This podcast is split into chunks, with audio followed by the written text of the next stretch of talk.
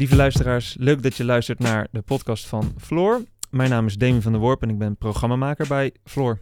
En mijn naam is Milan Moheb en ook ik ben uh, programmamaker bij Floor. Vandaag zitten wij in de studio met Mick Jongeling. Mick, jij bent afgestudeerd aan de Willem de Koning in 2016 met niet één, maar met liefst twee projecten over internetvervuiling. Uh, de afgelopen twee jaar heb je gewerkt bij de Digital Society School als Digital Transformation Designer. Welkom Mick. Hi, welkom. welkom. Uh, leuk hier te zijn. Fijn dat je er bent. Uh, laten we als eerste beginnen. Hoe kwam je erop om een uh, project te doen over internetvervuiling? Wat was hier de aanleiding van? Uh, het begon tijdens mijn bachelorstudie, waar ik gevraagd werd iets met afval te doen.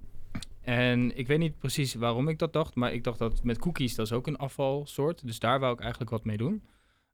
en vanuit daar bleef ik doorzoeken, doorzoeken, doorzoeken. En kwam eigenlijk achter dat, dat al de data die je achterlaat online ook gewoon online blijft. Uh, dus vandaar dat ik dacht van oké, dit is mijn afvalsoort, mijn resource waar ik wat mee ga doen. Um, het heeft me nog heel lang gekost om echt de, het belang ervan in te zien, uh, mijn docenten te overtuigen. Uh, maar ik ben uiteindelijk wel blij met het resultaat wat er was. En wat houdt internetvervuiling precies in, voor degenen die dat niet weten? Het is een beetje een um, onstabiel begrip, zou ik zeggen. Want er zijn heel veel verschillende definities van. Maar hoe ik het heb gezien is, ik zie het echt als alles wat je achterlaat wat online is. Uh, want alles wat digitaal is, heeft ook een zeg maar fysieke uh, input. en dat wordt nu gewoon gestoord in, in harde schijven, zoals je, je MacBook bijvoorbeeld, maar ook in datacenters. En die datacenters die verbruiken heel veel elektriciteit.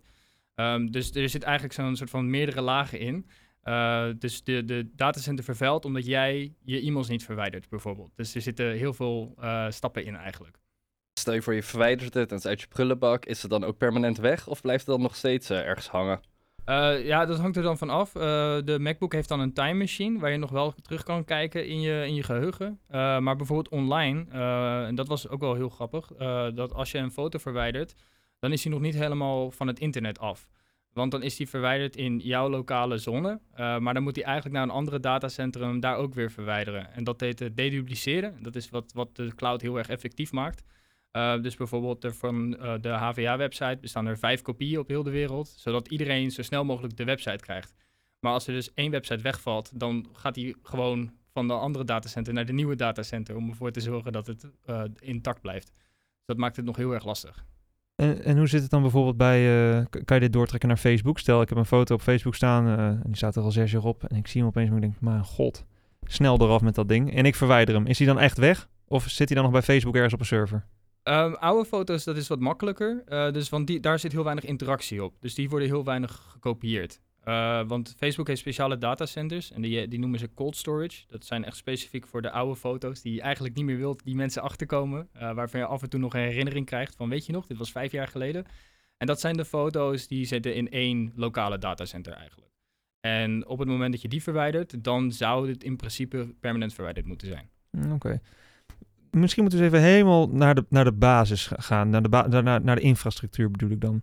Want uh, als we het hebben over cloud, over internet, over dataopslag. Het zijn allemaal best wel abstracte woorden en begrippen. Maar volgens mij liggen er gewoon keiharde kabels ergens in de grond. Staan er enorme computers te draaien enzovoort. Kan je het internet en dus de cloud en, en onze platforms zoals Facebook enzovoort, kan je die duiden als zijnde een, een fysiek iets? Uh, ja, eigenlijk wel. Uh, kijk, dus, dus op elke laptop, op elke telefoon zit een wifi-symbooltje.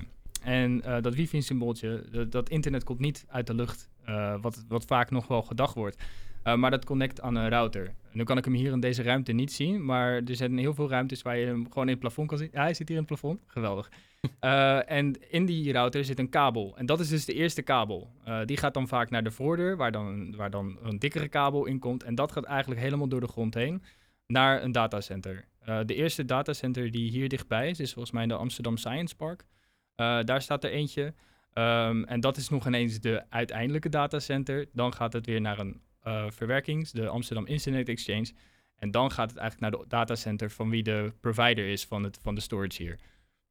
En dan heb je nog maar de basisinfrastructuur. Want ja. dan, dat zou eigenlijk alleen maar betekenen dat wij ergens naartoe kunnen communiceren. Want volgens mij moeten we dan want ja, wat is internet uiteindelijk? Internet is volgens mij het communiceren tussen computers. Ja. Dus dan hebben we het alleen nog maar over ons signaal. Ja. Ja, uh, uiteindelijk is er een heel netwerk van computers die uh, vrij informatie uitdelen met elkaar. En dat heeft allemaal met, met de vraag te maken. Iedereen die een website laat, krijgt een kopie van een, een website of een foto te zien. Wat dan weer van een datacenter komt, wat in die buurt ligt. Dus, dus het is best wel immens. En is het ook altijd in de buurt? Want een uh, tijd terug was er natuurlijk uh, bij Lubach over dat er hier datacenters worden gebouwd voor het Midden-Oosten en voor Afrika. Zijn er bepaalde richtlijnen qua datacenter van hoe dichtbij het moet zijn? Of maakt dat dan uh, eigenlijk helemaal niks uit? Um, ik denk niet dat het heel veel uitmaakt. Dat, dat weet ik persoonlijk zelf niet. maar Nederland is een van de grootste van, van de hele wereld. Op het gebied van datacenters, maar ook op het gebied van verbindingspunten. Uh, dus de eerste kabel die gelegd werd voor het internet kwam aan in Nederland, volgens mij in Beverwijk. En uh, Nederland is altijd in de markt geweest om die datacenters zoveel mogelijk in Nederland te houden. Uh, deels daarvan is omdat elektriciteit hier goedkoop is. Dus vandaar misschien dat, dat het Nederland een goede plek is. maar het heeft niet zozeer te maken met locatie. Het heeft meer met verwerkingskracht te maken. Iets wat ik wel heel leuk vind, je hebt een lied geschreven. Dus je bent ook nog eens uh, songwriter. Uh, ja, en dat, uh, dat was over Twitter en inactieve accounts. Wat kun, je, wat kun je ons daarover vertellen? Als ik het heel beknopt moet uitleggen, dat is dan het, inderdaad het onderzoek van mijn bachelor, mijn kunstenacademie. waar je eigenlijk elk profiel wat je aanmaakt online, dat blijft online totdat jij kiest dat het verwijderd moet worden. En Twitter, ongeveer 40% van alle gebruikers op Twitter, waar ze dus heel erg trots mee claimen van, oh, wij hebben 800 miljoen gebruikers, dat, die zijn allemaal inactief. Um, en die profielen blijven achter. Um, misschien dat jullie het ook wel eens een keer gehad hebben dat je je wachtwoord vergeten bent. Of dat je eigenlijk een social media hebt uitgeprobeerd en toen heel snel dacht van ja, dit is helemaal niks voor mij, laat maar zitten. En dat is inderdaad ook wat die inactieve profielen zijn op Twitter. Maar wat Twitter heel mooi deed in het begin is dat je een username mocht kiezen. En inmiddels wordt dat steeds moeilijker. Uh, maar in het begin kon ik gewoon de username Mick hebben. Inmiddels ben ik Mick 5, 6, uh, 8, 2 en uh, 7 of zo.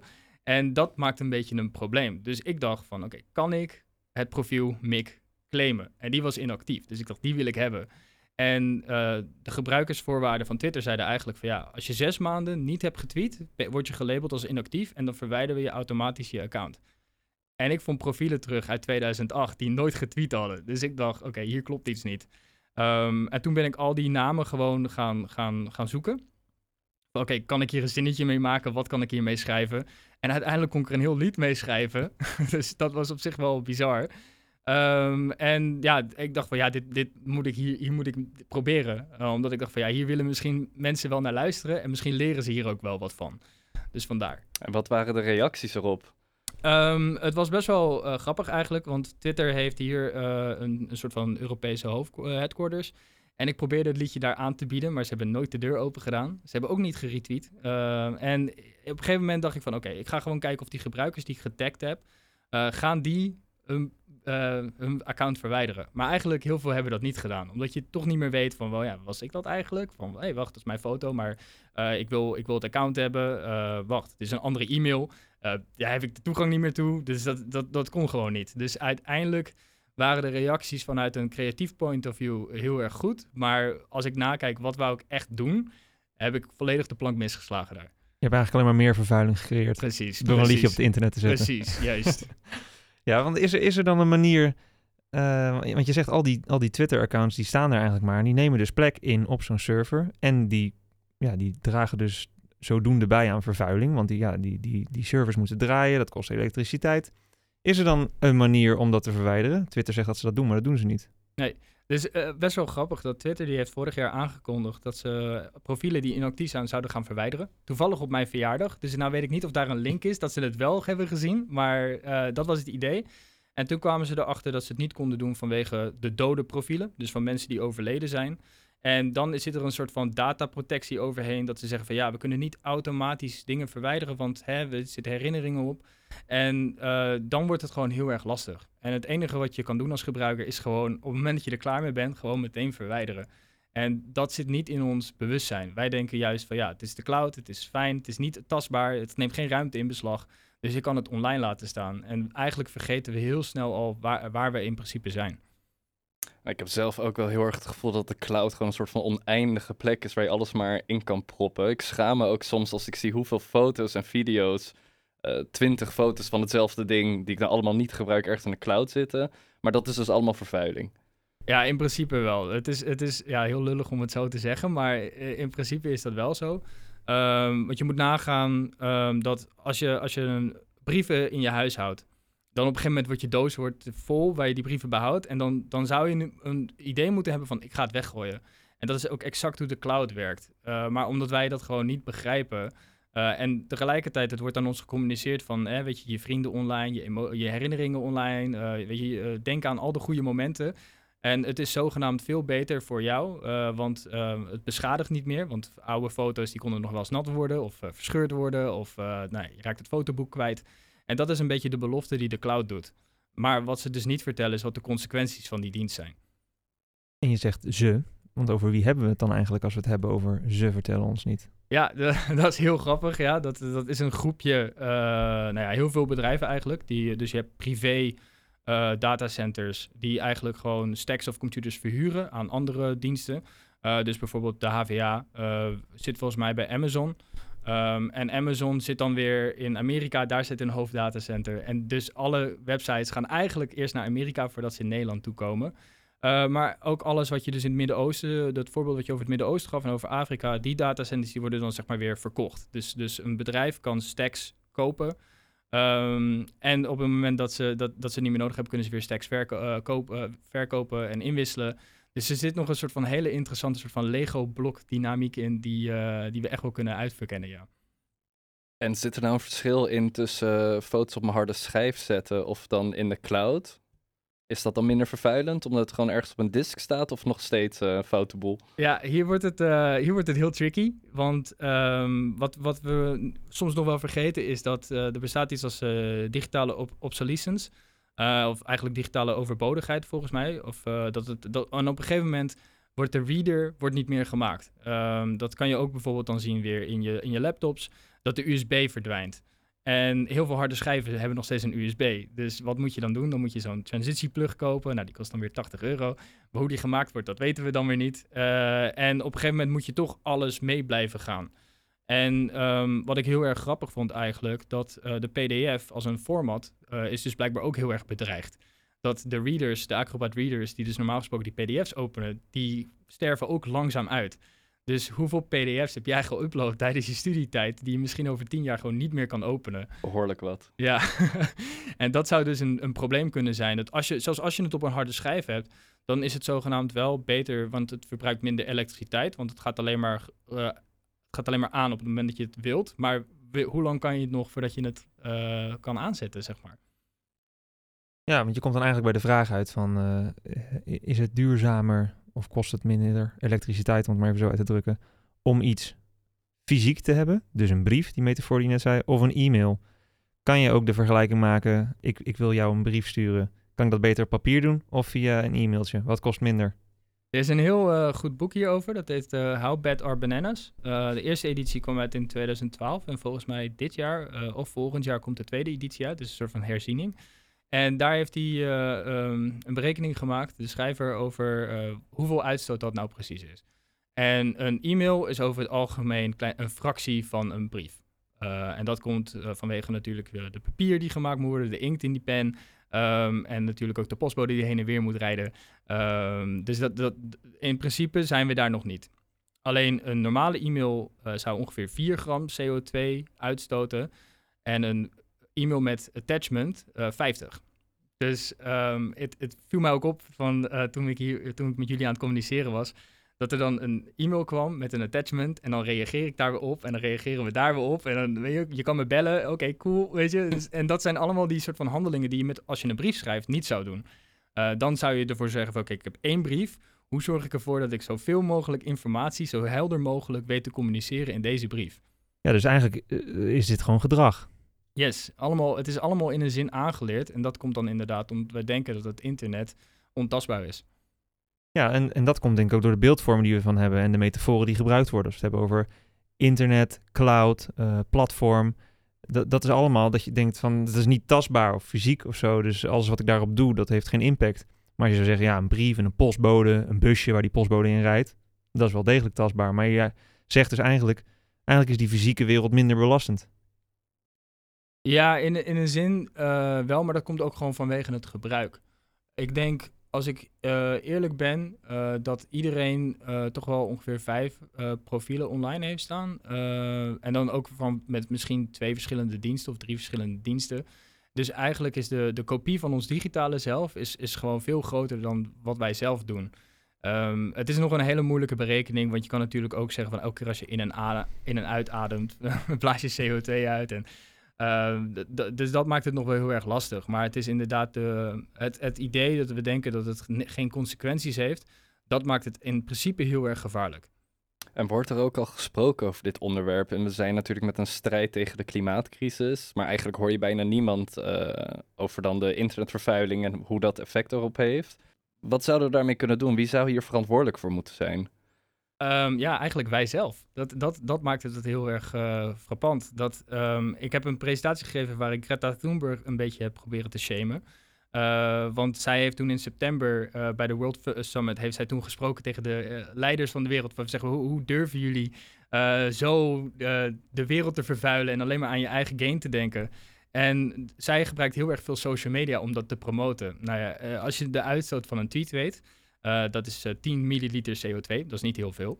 maar als je dat doet door 1,2 keer doet 1,2 miljoen tweets die verstuurd zijn door haar, dan kom je ongeveer op 7 kilogram plastic uit.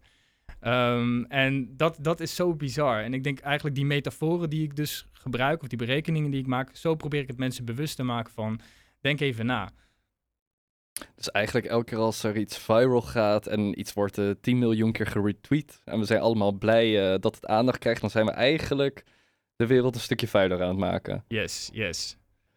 En qua verantwoordelijkheid, want je had het natuurlijk ook eerder over die inactieve accounts. Nou, ik heb denk ik nog van vroeger ook uh, party peeps en allemaal dingen. Nou, geen idee hoe ik daar ooit in zou kunnen komen. Zijn dat ook dingen dat ze zeggen na tien jaar verwijderen we het? Of zijn dingen zoals mijn oude Hives account, party peeps, al die dingen, bestaan die nog ergens? Zijn die nog ergens aan het vervuilen? Volgens mij Hijs uh, niet meer. Volgens mij hebben ze daar echt wel alles voor verwijderd.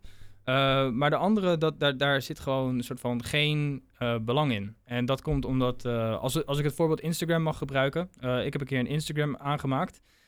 in de tijd dat je volgens mij maar één account per e-mail kon hebben. Dus ik had een nep-e-mail aangemaakt, zodat ik een extra account aan kon maken. En nou ja, je raadt het, ik raakte die toegang tot dat Instagram-account kwijt. En dus ook de toegang tot de, tot de e-mail.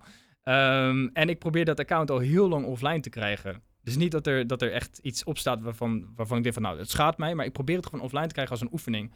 Maar ik kan niet in contact komen met Instagram. Ze reageren niet. Er bestaat geen optie waarvan ik kan aangeven van... hé, hey, luister, ik ben het gewoon kwijt. Kan je het alsjeblieft gewoon verwijderen? De enige optie die ze hebben is... oké, we sturen een e-mail. Uh, die moet je klikken, dan kom je er weer in. En ik kan niet zeggen van ja, maar ik heb geen toegang meer tot mijn e-mail. Dus die optie is er gewoon niet. Um, dus de enige optie die we eigenlijk hebben, is uh, om bijna overal een zo makkelijk mogelijk wachtwoord voor te gebruiken, zodat we het altijd kunnen herinneren. Maar ja, dat doe je natuurlijk nooit. Dus het, het, het is een beetje lastig waar het, waar het precies allemaal heen moet gaan. Dus eigenlijk met al die oude accounts, als we een uh, soort van plastic soep hebben, hebben we nu ook een soort van uh, internetsoep ergens ronddwarrelen in de cloud. Ja, ja, maar... mooie metafoor, Milan. Ja, dank je. Ja. Je hebt ook een installatie gemaakt, omdat uh, het toch natuurlijk allemaal best heel erg abstract is. Nou, uh, wat houdt er nou allemaal in die vervuiling? Wat kun je over die installatie vertellen? Uh, de installatie was gemaakt om de metafoor van de cloud een beetje duidelijk te maken aan mensen. Dus hij bestond uit twee delen. het achterste gedeelte was dan opgebouwd uit zwarte ballonnen. waarvan ik dus eigenlijk wel zeggen, nou, het is de cloud, het hangt in de lucht, het hangt boven je, het is licht. En daarvoor stonden eigenlijk drie computers constant uh, foto's uh, te verwerken. En die foto's die werden gehaald uit de hashtag die gepusht werden door het event. Uh, waarvan ik eigenlijk wel zeggen, hey, dit event is eigenlijk ook heel erg vervuilend. En zo ging dat eigenlijk. Dus om even uit te leggen, de, de cloud wordt nu verkocht als een soort van wolkje in de lucht. En ik, ik denk ook dat heel veel mensen, als ze het moeten beschrijven, dan draaien ze een beetje met hun handen. En dan denken ze van, nou, het zit daar ergens. daar komt het volgens mij vandaan.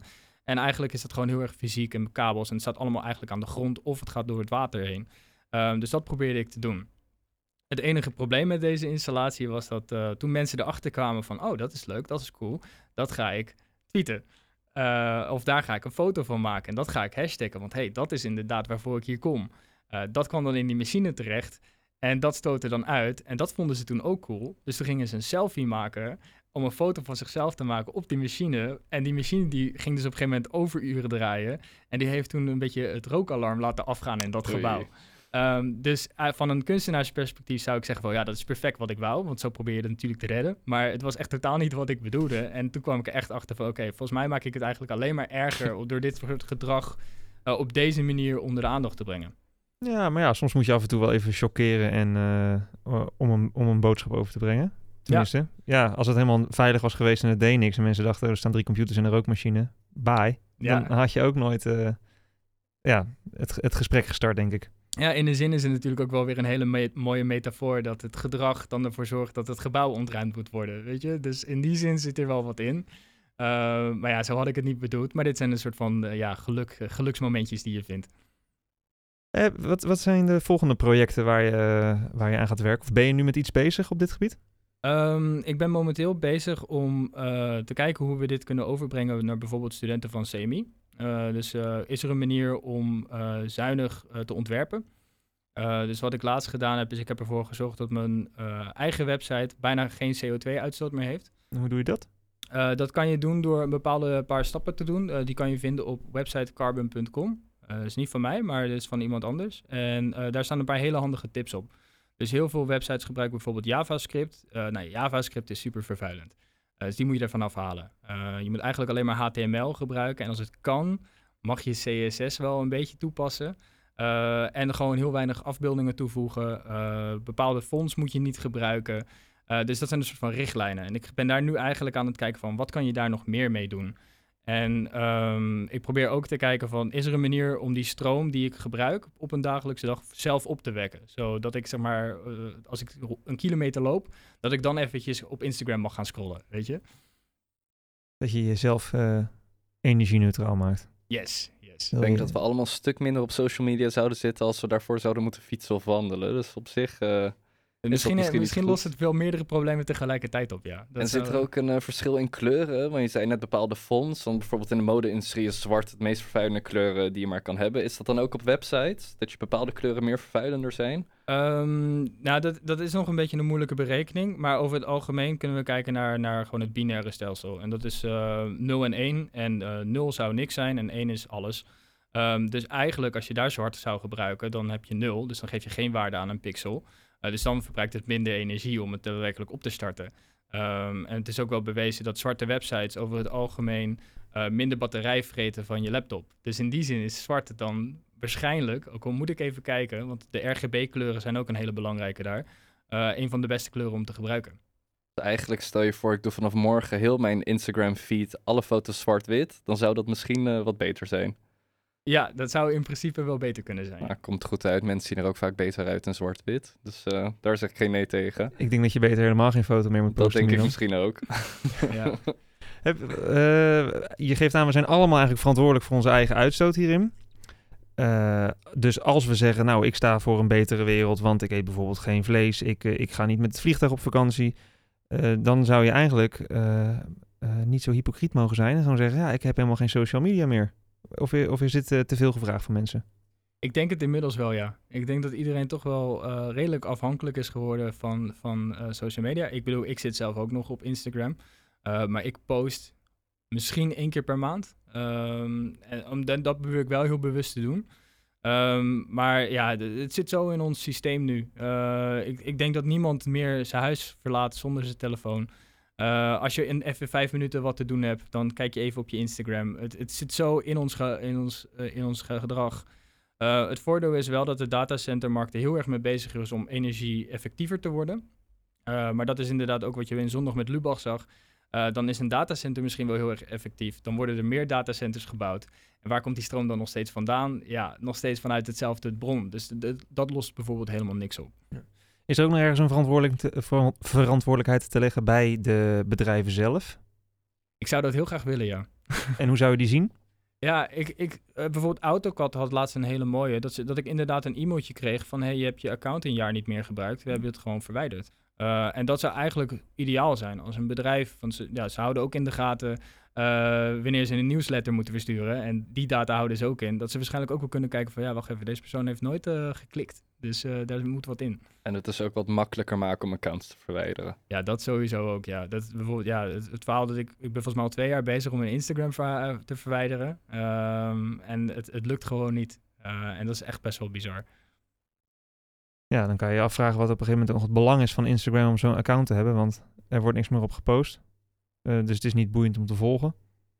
Uh, ze verdienen er ook geen inkomsten aan, denk ik, want er wordt geen reclame op bekeken. En het kost eigenlijk alleen maar geld omdat zij meer capaciteit op die service moeten inkopen. Ja.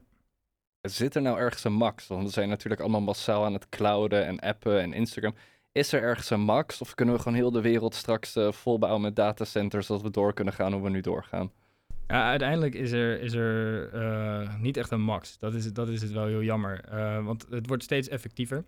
Uh, en, en dat is nu een beetje het probleem ook. Microsoft heeft volgens mij onlangs een tweejarig researchproject afgerond. Waar ze een datacenter in de oceaan hebben neergelegd. Zodat die de, de warmte en de tij kon gebruiken om energie op te wekken, om, om koel te blijven. dus misschien gaan datacenters wel gewoon het water in. Dat kan ook. Uh, maar ja, uiteindelijk wordt dat allemaal steeds effectiever. Uh, maar waar die stroom vandaan komt, dat blijft allemaal nog een beetje vanuit, vanuit de, de, de van, van de planeet. Weet je, dat gebruiken we. En um, er is geen reden om te denken dat we het niet zelf kunnen doen. Alleen ja, die kans krijgen we gewoon niet. Want het is nu al zo'n grote industrie dat het, ja, we kunnen er eigenlijk niks meer over zeggen. Alleen maar bewustzijn vergroten. Alleen maar bewustzijn vergroten op dit moment, ja. En heb jij dan nog uh, tips voor de luisteraars of voor ons? Hoe kunnen we nou wat duurzamer zijn met uh, alle data die we verbruiken? Ja, je, je, moet heel erg bewust zijn van wat je deelt. Dat zou ik eerst gewoon zeggen. Uh, delen in zwart-wit zou, zou een goede zijn. ook als je op je telefoon zit en je zet hem op zwart-wit, kom je erachter dat Instagram al heel snel niet meer zo aantrekkelijk is. Dus dat zou inderdaad een goede kunnen zijn. wat ik graag doe, is ik verwijder elk e-mailtje voor een MS Teams uitnodiging die je krijgt bijvoorbeeld. Als ik hem geaccepteerd heb, verwijder ik hem ook meteen. Um, maar dat kan nog best wel heel erg vervelend zijn om te doen. Maar als je gewoon kijkt van ja, ik heb 9000 e-mails op mijn inbox, ik moet wat gaan doen. Het is ook best wel lekker om e-mails te verwijderen, moet ik eerlijk zeggen. En uh, wat ik ook doe om een soort van verantwoordelijkheid ook aan de, aan de ontvanger te geven, is ik zet altijd een signatuur onder mijn e-mail waar ik dan zeg van oké, okay, uh, eh, verwijder deze e-mail op het moment dat het geen nut meer heeft. waar we ten net zijn achtergekomen dat ik dat niet op mijn eigen Gmail heb gedaan. dus ik moet ook nog even wat scherper worden daarin, ja. Ik durf het bijna niet te zeggen, maar als we jouw project in de gaten willen houden, dan moeten we volgens mij wel op Instagram kijken. Ja, ja. Waar dat... kunnen we je volgen? Uh, je kan me volgen op Instagram. Uh, mijn gebruikersnaam daar is HyperAura. En op Twitter is het gewoon Mick Jongeling.